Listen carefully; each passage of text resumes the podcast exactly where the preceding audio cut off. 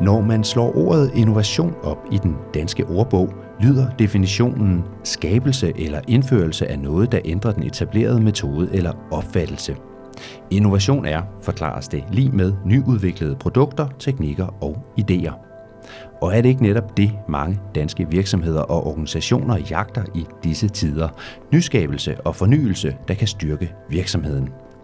Med en række digitale megatrends og nye teknologier har mulighederne for at innovere måske aldrig været bedre.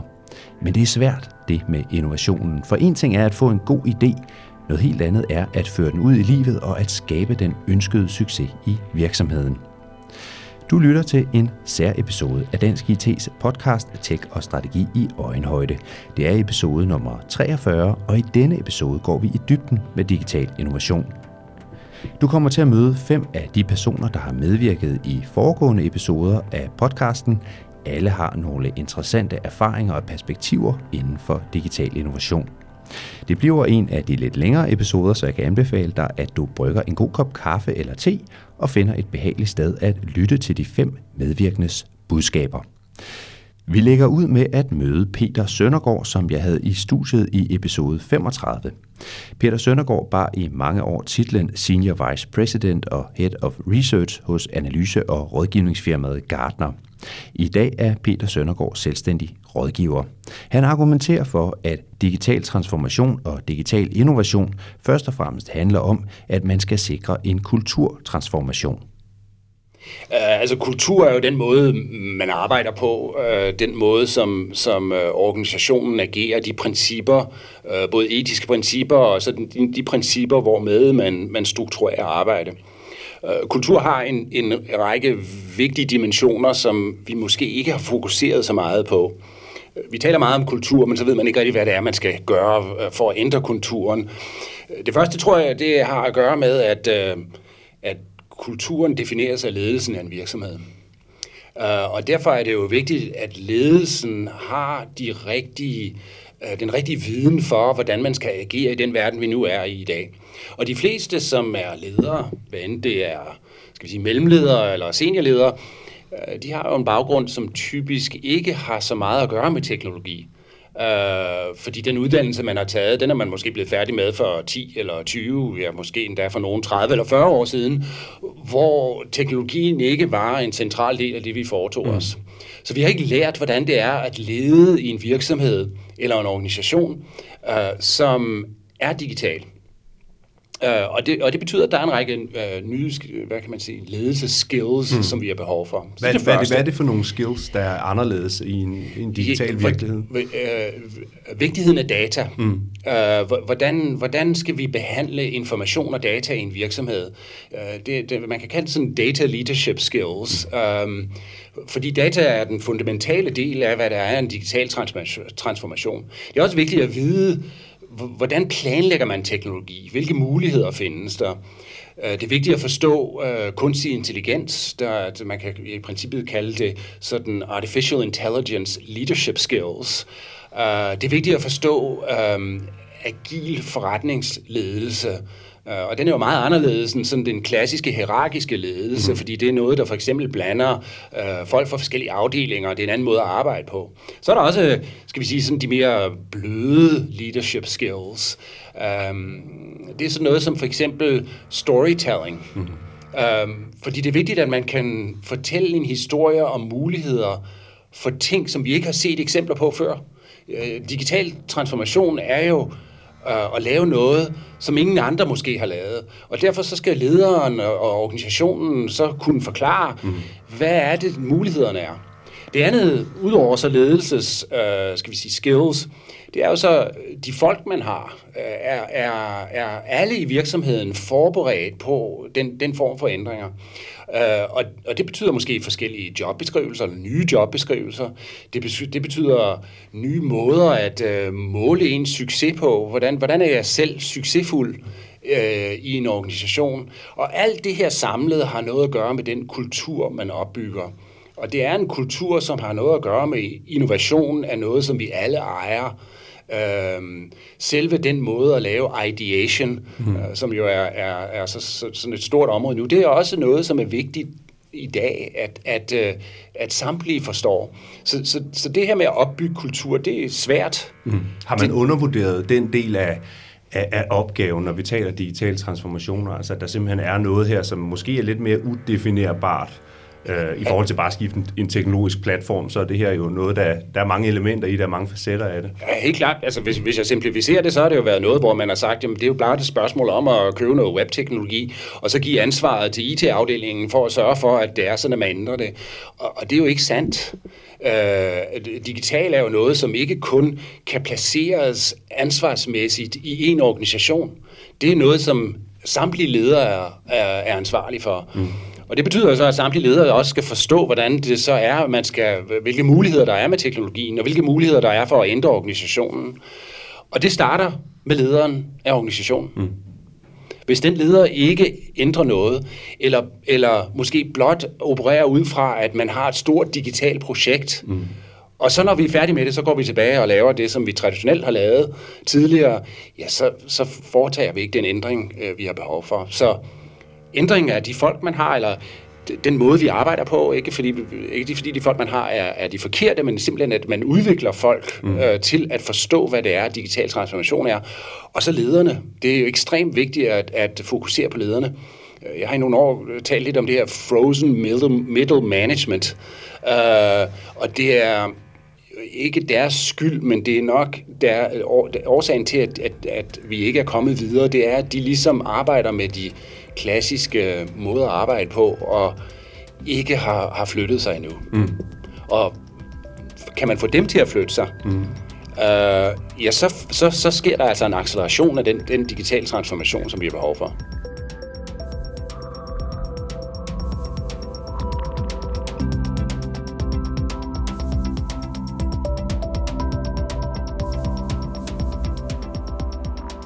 Du hørte her Peter Søndergaard, og hvis du vil høre hele interviewet med ham, skal du finde episode nummer 35 af Dansk IT's podcast Tech og Strategi i øjenhøjde.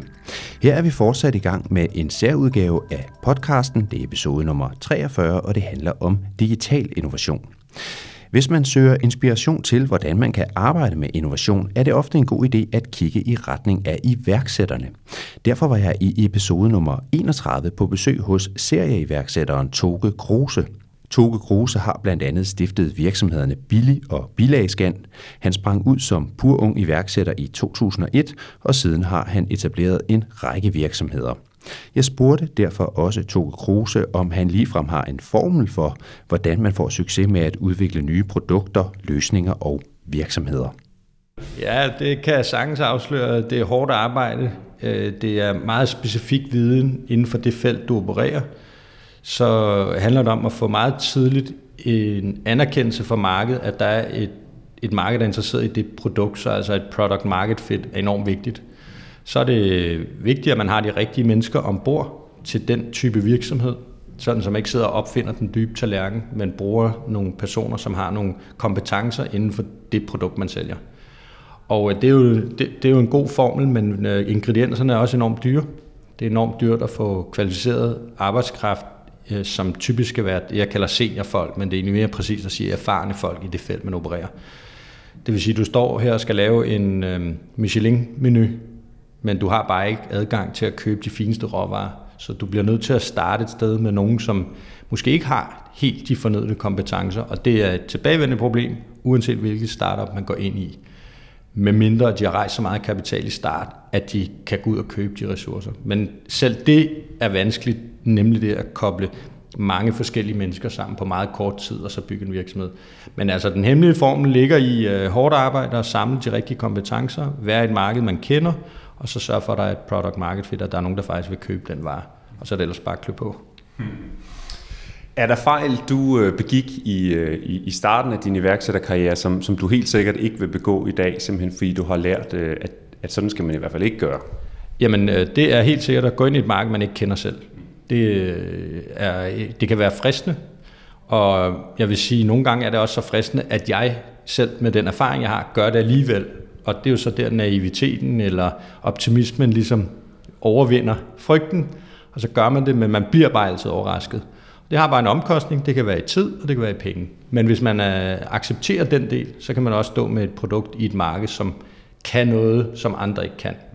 Men det er helt sikkert at gå, gå, øh, gå ind i et marked, hvor man selv er ekspert. Det er klart vejen frem, ellers så skal man i hvert fald overveje det en ekstra gang. Så, ja.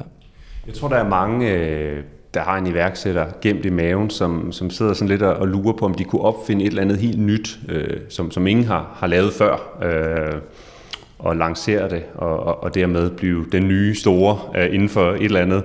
Hvorimod der er måske knap så mange, der kigger på, hvad er det for nogle markeder, vi har, hvor der egentlig allerede er fuld gang øh, på kedlerne, og der er masser af spillere, og der er masser af konkurrence.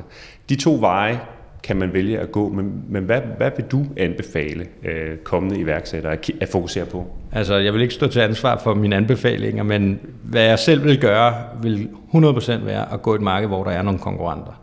Der er noget konkurrence.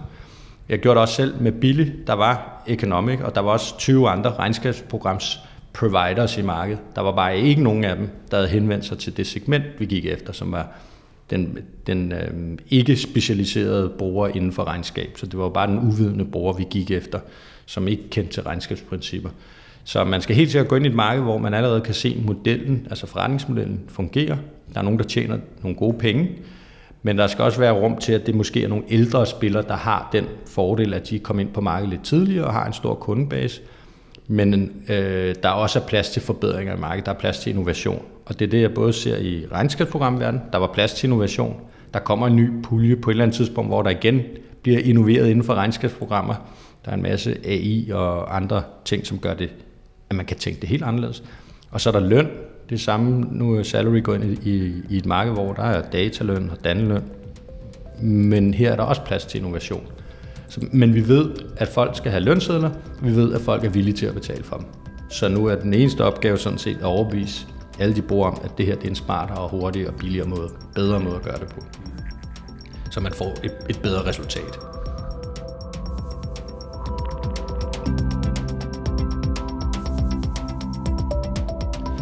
Ja, sådan lød det altså, da jeg i episode nummer 31 var på besøg hos serieiværksætteren Toge Kruse. Nu springer vi videre til et andet virksomhedsbesøg, jeg var på i episode nummer 29, nemlig hos Danske Bank, hvor jeg fik et indblik i, hvordan banken arbejder med digital innovation. I den episode medvirkede Morten Wischmann, Area Lead i New Ventures Innovation i Danske Bank. Jeg bad ham blandt andet beskrive, hvordan innovationsprocessen ser ud i Danske Bank.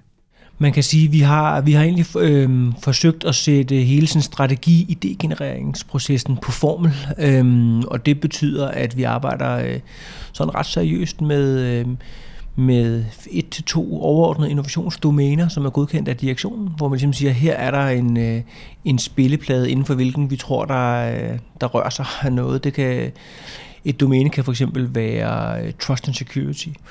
Altså, at der sker noget inden for, hvordan opbygger man tillid i et digitalt samfund. Hvor en bank for 10-15 år siden måske, måske længere, der var tillid noget, man skabte i en filial ude i, øh, jeg vil sige, ude i en landsby, hvor man stolede på sin bankrådgiver, fordi det gjorde ens far og mor. Mm. øhm, hvordan ser det ud i en, øh, i en dagligdag, som er 100% digital, øh, eksempelvis?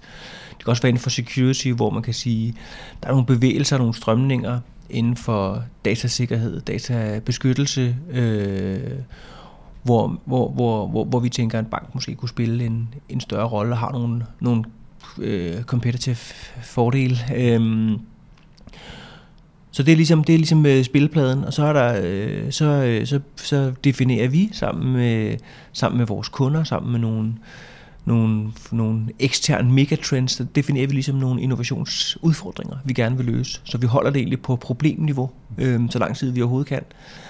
Øh, og så, så, så sker der et eller andet imellem nogle, øh, imellem nogle gode idéer herfra, nogle gode idéer fra kunderne, nogle gode idéer fra, fra øh, andre steder i, øh, i banken. At, øh, at vi måske begynder at få nogle tanker om, hvordan kan man konkretisere de problemer, vi gerne vil løse, og er der nogle løsninger heri. Og så, så starter der egentlig en innovationsproces, som leder frem til, øh, vi sætter et team, øh, typisk to til tre personer til at starte med, som itererer omkring det her problem. Øhm, og når de så føler, at de har et, et tilpas konkret problem, der kan løses, så har vi en innovationsgate, et gate meeting, hvor vi siger, det hedder, det hedder proof of problem. Så der, der skal man ligesom bevise, at der er et vist problem. Der er nogle kunder, der oplever det problem, øh, øh, og det vil vi gerne arbejde videre med. Og så går man øh, langsomt i løsningsarbejdet øh, frem mod en gate, der hedder Proof of Solution. Øhm, og der begynder vi så at arbejde med, enten er der noget, er der noget vi selv kan, selv kan bygge, er der noget, nogle partner kan hjælpe os med at bygge, enten nogle startups eller nogle store tech-virksomheder, øhm, og, øh, og begynder så langsomt at ligesom snævre os ind øhm, på det, og begynder at tænke over, er der noget, vi kan, noget, vi kan belyse på ved at bygge en, øh, en prototype, eller en prototype, eller, eller hvad det skal være. Øhm, og man kan sige, øh, når vi så har været i gang og, har fundet øh, et, et, et sweet spot, så prøver vi ligesom at, at zoome lidt øh, ud igen, og så, så går vi egentlig i hvad skal man sige, klassisk udvikling, alt efter hvilken udviklingsvej man tager, om det er partnerskaber, eller om det er noget, vi bygger selv. Og så får vi så øh, for alvor øh, øh, onboardet øh, øh ja, alt efter hvad det er, udviklere, eller øh, data scientist, eller, eller hvad det skal være, alt efter hvad det er for et projekt øh, derfra. Så går det egentlig sådan i en, hvad skal man sige, ind i en agil udviklingsmotor med product owner og, og hele uh, the big shebang.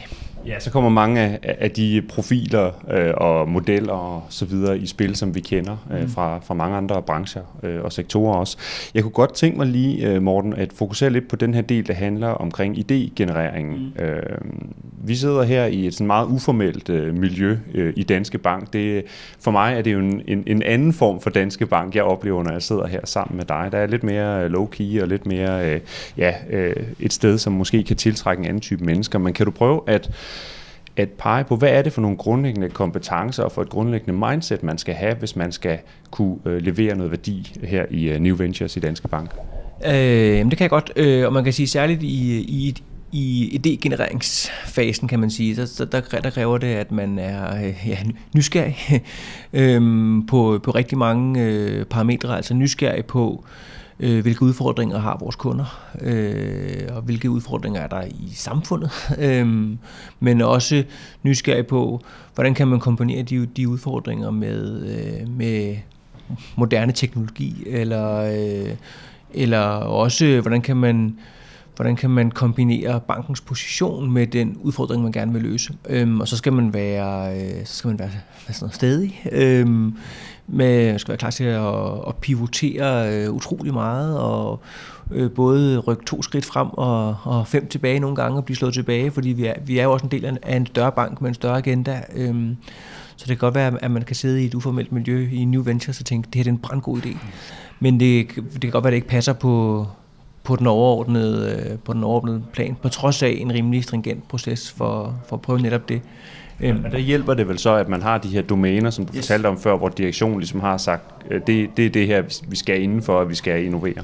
Ja, helt sikkert. Det, det, det er virkelig det, der, det, der er, øh, det, der er planen med det. Øhm, og så er der en, en proces for øh, øh, årligt i virkeligheden at genbesøge de domæner og sige, okay, men er der noget her, hvor vi, hvor vi skal spille en, en større rolle? Og så vil jeg så er der jo øh, en hel masse meget forskellige profiler, øh, der også trives her, og som ikke har... Vi har også nogen, der har været i, i banken i 25 år, øh, og som fortsat er nysgerrige, og bringer enormt meget viden om, omkring, øh, særligt på kundefronten, har, har snakket med, skal være erhvervskunder i, i 25 år. Øh, men, men har jo også nogle andre profiler end, end dem, der klassisk er i et, i et bankmøde. Øh, om det er antropologer, eller designer, eller, eller andre.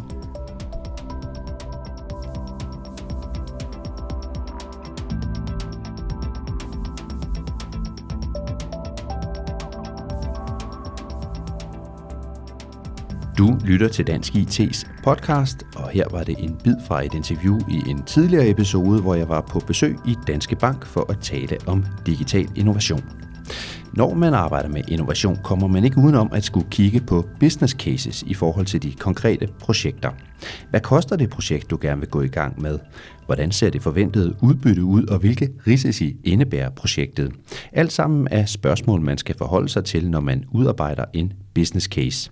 Det var samtaleemnet, da jeg i episode nummer 28 havde besøg i studiet af Martin J. Ernst, der er ekspert i business cases og gevinstrealisering og stifter og CEO i konsulenthuset One Stroke. Business casen øh, for rigtig mange projekter, det er jo det, dokument, der fortæller, hvorfor er det, vi gør det her.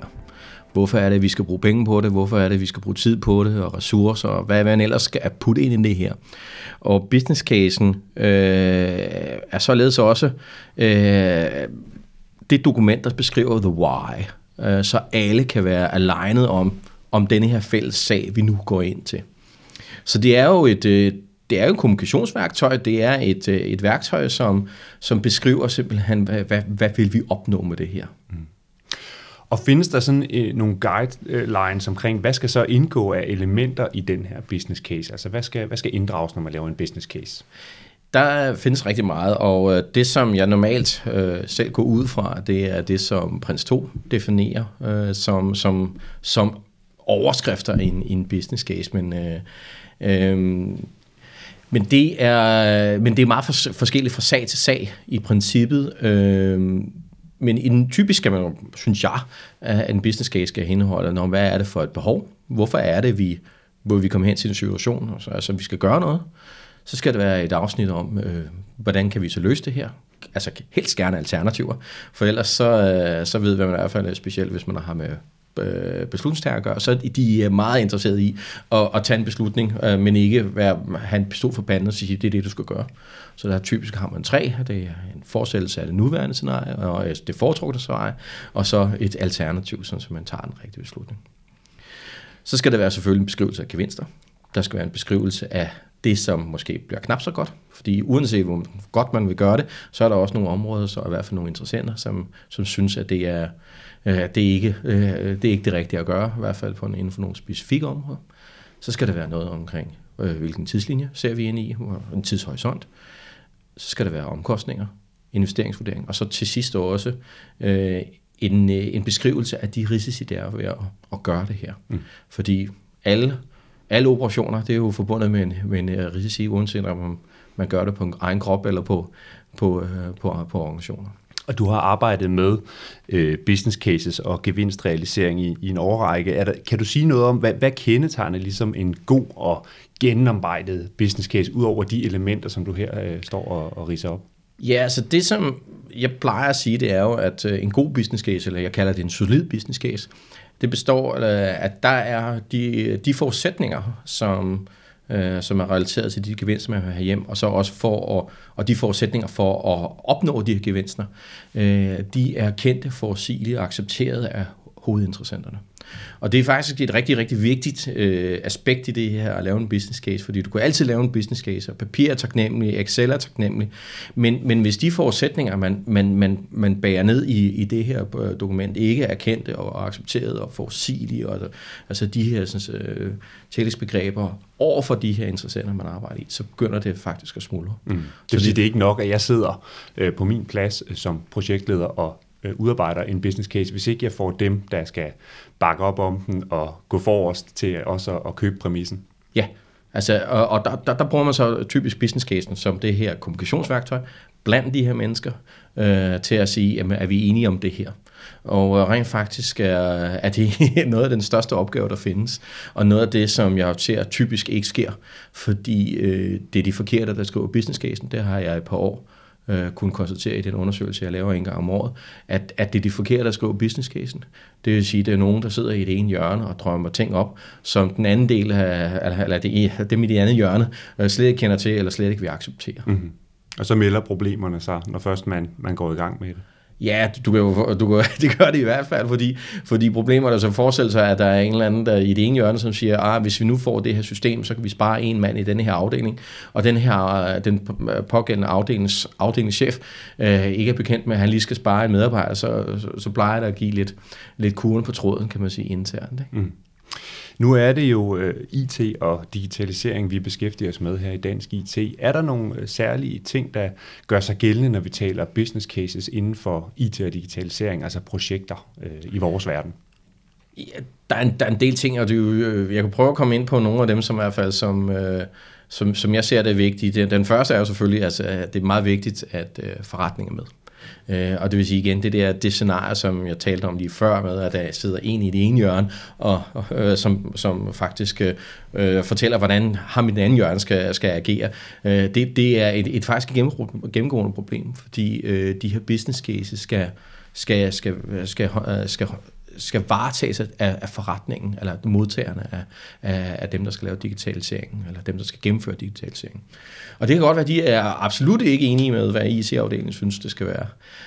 Øh, så, så det er igen vigtigt, at man, man netop får talt øh, altså, øh, scenariet igennem. Men det, der også er kendetegnende ved, øh, ikke kun digitalisering, men, altså, men, men det bliver i hvert fald meget tydeligt i digitalisering, det er, at folk begynder på en rejse, hvor de ikke øh, stopper op og siger, hvordan har vi det i dag? Hvordan gør vi i dag? Mm-hmm. Øh, men begynder en rejse, og du ved, ligesom, ligesom, øh, ligesom en... Øh, ja, det ved jeg ikke, maler et, et plankeværk, så kan man godt se, hvor langt man kommer, ikke? Altså bare ved at skrive, så, så, så, gå øh, fem skridt tilbage, så kan man sige, at jeg er kommet så langt, ikke? Det har man måske svært svært med i digitalisering, fordi du hele tiden laver nogle forbedringer, laver, laver en forbedring, men du i tale sætter ikke, nå, nu er vi nået hertil, og det har faktisk flyttet os fra en, en assist, der var herovre. Ikke? Mm-hmm. Så, så, så der er mange punkter, øh, hvor man øh, inden for digitalisering øh, kunne... Øh, øh, kunne gøre bedre netop, og, også, også, også kan se den her fremdrift, der er.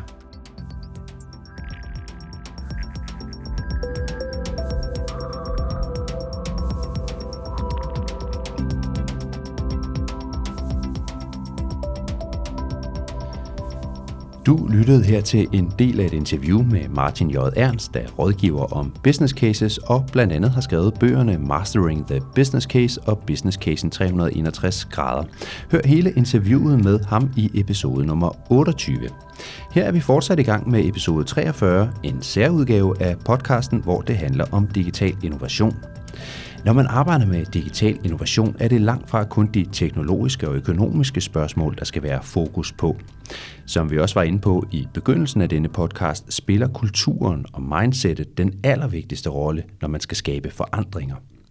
For nylig havde jeg besøg i studiet af Ursula Krogsbøl til en samtale om de menneskelige faktorer, der er helt centrale, når man som virksomhed arbejder med innovation og forretningsudvikling. Ursula Krogsbøl har en master i IT-ledelse og strategi fra IT-universitetet i København og er til daglig leder af afdelingen for digital strategi og innovation hos Mirakel. Her taler hun om kultur og om de menneskelige faktorer, der er på spil hos dig og mig i vores daglige arbejde. Kultur er faktisk afgørende for, hvad vi overhovedet er i stand til at præstere. Så hvis vi nu forestiller os, at vi for eksempel har en kultur, hvor det sådan er er, er fint og anerkendt, og man har meget, meget travlt, så vil det jo også blive en, en, en virksomhed, hvor der sjældent er plads til innovation. Og det vil faktisk være fuldstændig fræk at påstå, at hvis man altid er kørt lidt ud i tårne, og altid arbejder efter klokken 4 og inden klokken 9, fordi mellem 9 og 4, der har man væk til væk møder, så skal man ikke regne med, at der forekommer noget innovation der. Man skal heller ikke regne med, at hvis man ser sådan nogle symptomer, som at folk besvarer e-mails på mærkværdige tidspunkter, og øh, i det hele taget måske begynder at deltage i alle møderne med computer og med telefon, og altid kommer lidt for sent til møderne, og ligesom hele tiden er to steder på en gang.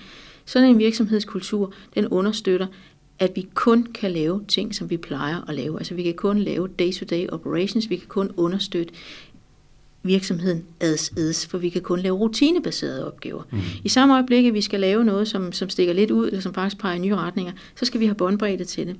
Så hvis vi på en eller anden måde er kommet til at lave en kultur, der er så effektiv, så vi ikke kan arbejde kreativt, så spænder vi jo ben for os selv. Mm. Og det tror jeg er noget af det aller, aller vigtigste at snakke om, at, øh, at Clayson Christensen, som jo udgav uh, The Innovators Dilemma tilbage i, jeg tror han lavede forskning i 96, og så kom bogen i 97, han beskriver det der med, at en veldreven virksomhed, den kan faktisk ikke have innovation, fordi lige præcis en veldreven virksomhed, den øh, er kendetegnet ved, at man ved, hvad der sker.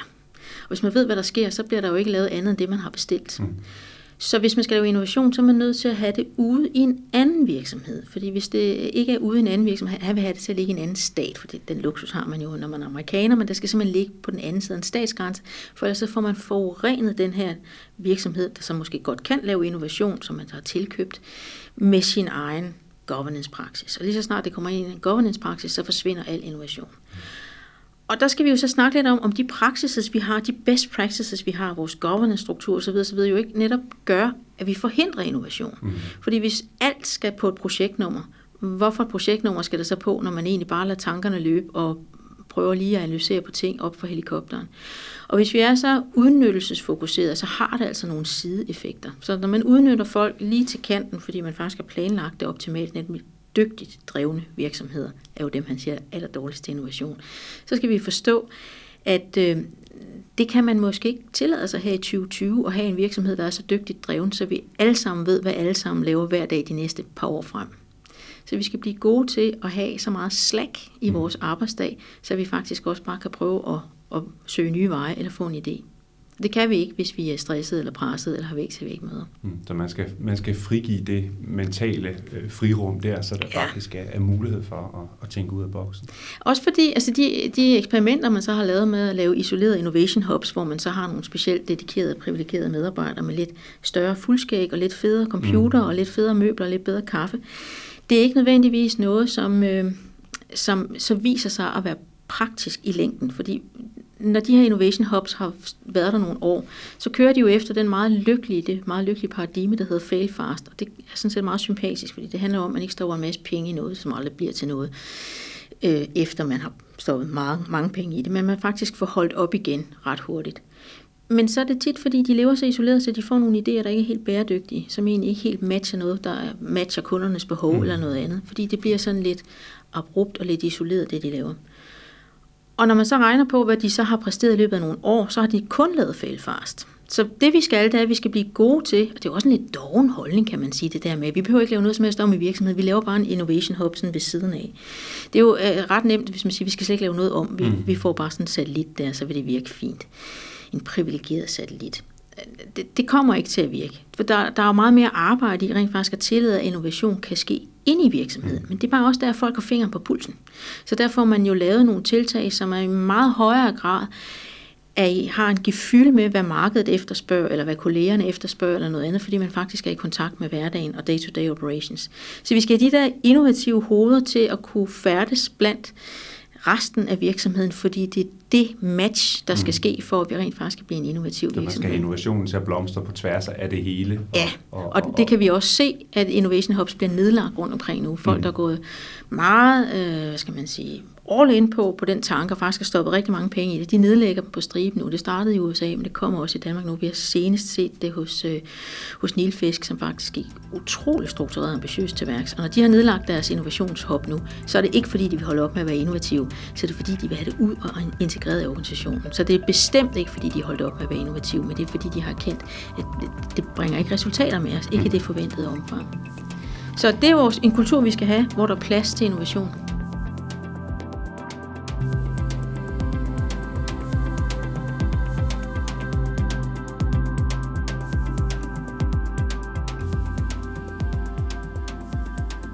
Vi er nået til vejs ende i denne særudgave af Dansk IT's Tech og Strategi i øjenhøjde, hvor det har handlet om digital innovation, og du har mødt fem af de personer, der har medvirket i tidligere episoder af podcasten. Her til sidst var det Ursula Krogsbøl, du hørte. Jeg hedder også i denne episode Kim Stensdal, og jeg håber, at du har fået noget brugbart ud af det, du har lyttet til. Som altid kan kommentarer, ris og ros sendes direkte til mig på ks Hermed ikke flere ord fra min side. Tak fordi du var med, og god arbejdsløst med den digitale innovation.